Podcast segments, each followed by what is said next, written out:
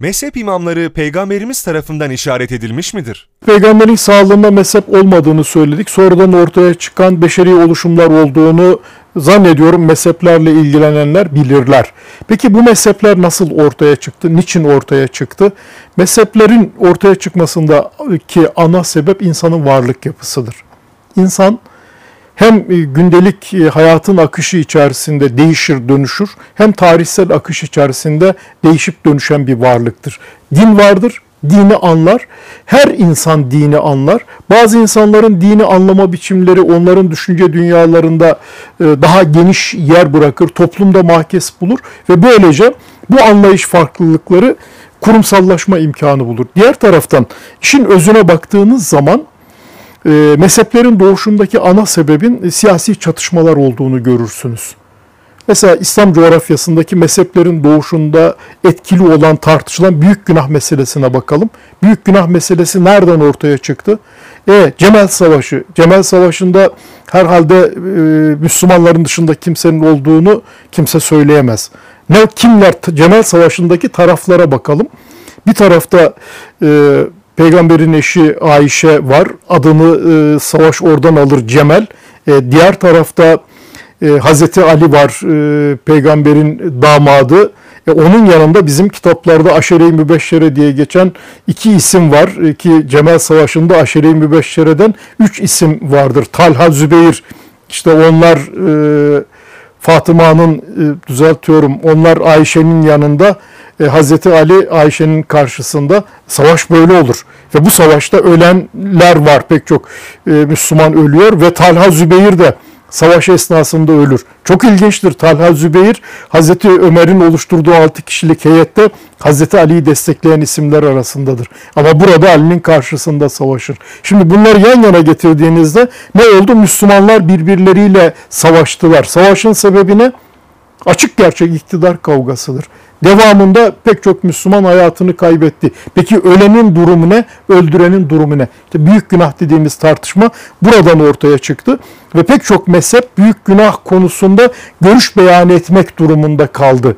Ve devam edelim. Mezheplerin doğuşunda başka hangi sebepler? Hızlı sosyokültürel değişim, bedevi hayattan yerleşik hayata geçme. Bugün de aslında Müslümanların temel problemlerinden birisidir bu köyden kente göç olgusu ve bir gece kondu Müslümanlığı yani daha tepkisel, daha e, İslam'ın o e, şehir hayatını daha önemseyen duruşuna karşı e, zihniyet olarak e, bu kırsal kesim zihniyetini barındıran bir anlayış. Peki ekonomik sebepler var mı?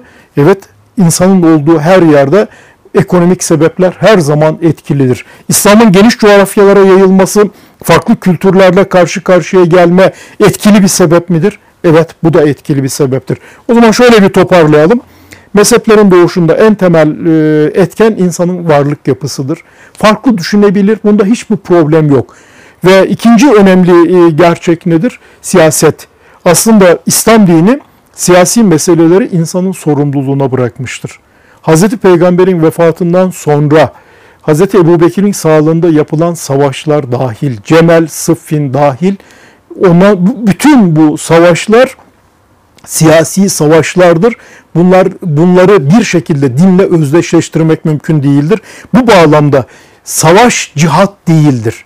Bunu da Müslümanların artık ayırt etmesi lazım. Cihat İslam açısından kurucu bir kavramdır. Kur'an'ın kıtel dediğine biz daha çok savaş diyoruz. Savaş ihtiyaç halinde başvurulur.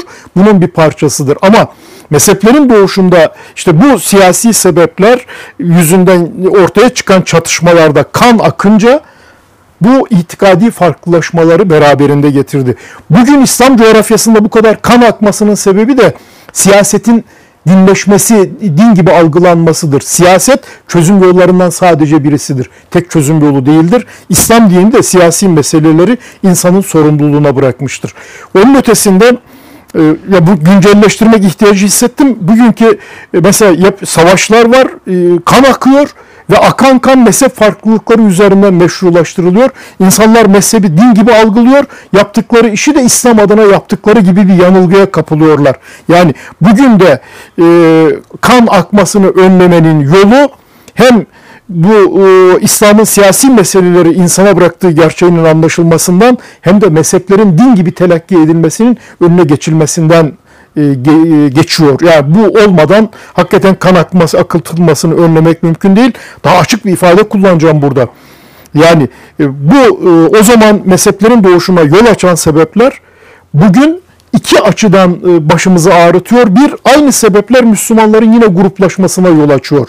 Geçmişten ders alamadığımız için yanlışları sürdürmeye devam ediyoruz. İki, bugün eğer e, masum insanların kanının akması tekfir gibi bir e, mekanizmayla meşrulaştırılıyorsa bu tekfirin önüne geçmek gerekir. Bunun önüne de e, geçmenin yolu mezhep, cemaat, tarikat gibi oluşumların dinle özdeşleştirilemeyeceğini bilmek, mezhep farklılıklarından dolayı kimsenin tekfir edilemeyeceğini açık seçik görmek. İkincisi e, siyasi mücadelelerin gruplar, cemaatler kendi adına yapsın, din adına yapmasınlar. İslam'ı kimsenin korumasına, kimsenin himayesine ihtiyacı yok. Yeter ki bir takım gruplar İslam'ın yakasından düşsünler. İşte mezheplerin doğuş sebebini iyi anlayabilirsek bugünkü çatışmaların önüne nasıl geçebileceğimiz konusunda da çok sağlıklı çıkarımlar yapmamız mümkündür. İnsanın olduğu yerde mezhep olacaktır. Bizim sorunumuz mezhepten, cemaatten, tarikattan değil. Bunlar bir vakadır. Bunları doğru görmek lazım. Sorun bunların kendilerini dinin yerine koymasından kaynaklanıyor. Sorun bunların ortaya çıkış süreçlerinin doğru anlaşılmaması, bunların beşeri oluşumlar olduğunu görmemekten kaynaklanıyor. Bugün de din tüccarlarının kendi çıkar hesaplarını, çıkar çatışmalarını meşrulaştırmak için mezhep, cemaat ve tarikatları kullanmalarından kaynaklanıyor.